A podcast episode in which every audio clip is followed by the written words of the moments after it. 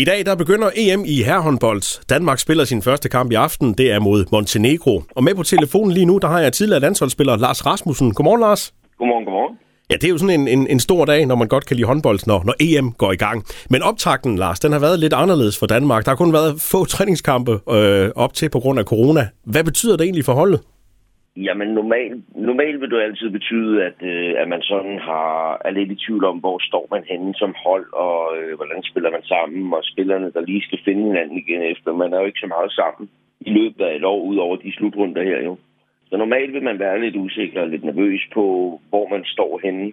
Men lige for Danmark, der, øh, der kan man sige, nu var der et OL for et halvt år siden, og, og samtidig så er styrken ved det danske herrelandshold, herrelandshold har altid været, at at fundamentet, ligesom at man bygger et hus, som der står ordentligt sammen øh, fra start af, der er fundamentet på herlandsholdet også ekstremt stærkt. Det er noget, med Nikolaj Jacobsen har stor, stor øh, fokus på, så derfor så, øh, så tror jeg faktisk ikke, det betyder det store for Danmark. Og man kan jo sige, at det gælder også for flere af de andre hold, der er med i turneringen, at de har haft samme optag, de har ikke haft så mange træningskampe, så et eller andet sted, så kommer øh, alle hold vel med det samme alligevel. Ja, det kan man sige, at de øh, alle hold er ligesom på, på lige fod, og øh, og så er der endda Danmark endnu bedre. Vi har kun haft et tilfælde med corona med Janne Gren, hvor der er andre lande, jo, som der nærmest har hele truppen. Hele truppen smittet, ikke? Så, øh, så det er på lige fod med de andre, og så endda endnu bedre grundet, at vi har, har været dygtige til at passe bedre på, end øh, mange andre lande har. Og netop vores øh, første modstander i aften, Montenegro, har været hårdt ramt af, af coronavirus. Hvor, hvor meget skal vi egentlig frygte dem i, i aften? Jamen, nu skal man jo være, være ordentlig og realistisk, som, øh, som man siger det, men, øh, men, men jeg kan ikke se, at der på nogen måde skulle være nogen mulighed for, at Montenegro kan, kan drille Danmark og gøre det svært for Danmark i aftens. Også grundet øh, deres situation med corona og, og skader. Så, så jeg, må, jeg, jeg må sige det øh, stadigvæk med respekt for Montenegro, men øh, nej, der, der burde ikke blive nogen problemer. Jeg kan, jeg kan slet ikke forestille mig, at der, at der bliver nogen spænding om, øh, om det resultat. Hvad så med de andre modstandere? Vi har også Nordmakedonien og, og Slovenien her i, de, i den indledende runde. Hvordan, hvordan er de?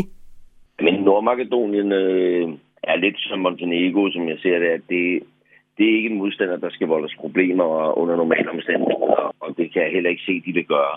Men, øhm, men Slovenien, det er, Slovenien er et godt hold. Slovenien er en stor håndboldnation. Det er klart, at, øh, at det er den absolut sværeste kamp for Danmark, og det er også den kamp, ligesom videre til mellempuljen det er også den, der gør, at øh, højst sandsynligt at vinderen af, vinderen af, af Danmark-Slovenien, de tager også deres øh, point med over i mellempuljen, ikke? så man allerede står endnu, endnu bedre til at kunne eventuelt komme, komme videre til en semifinale. Men, øhm, men Nordmakedonien ser heller ikke det store problem med, og så er det Slovenien, som, som der kræver noget mere.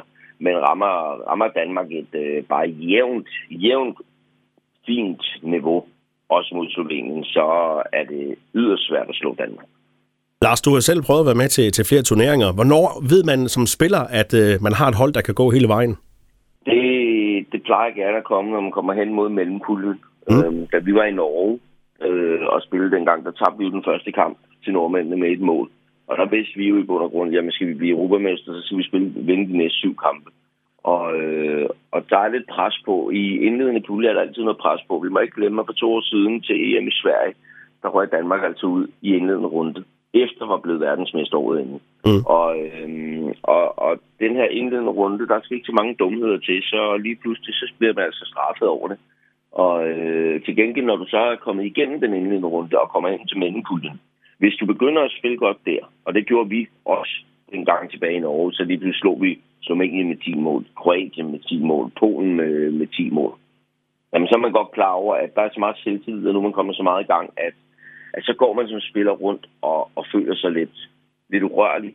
Øhm, og, og samtidig så kan man godt se og mærke, at okay, der er et eller andet undervejs her, som kan blive rigtig, rigtig stort. Der, der går lige en to-tre kampe, før man begynder at være der. Vi håber, at øh, de danske håndboldherrer de får en rigtig god start. Hvis du sådan skal komme med et bud på, hvem der ender med at stå i finalen ved EM 2022, hvilke hold står der så?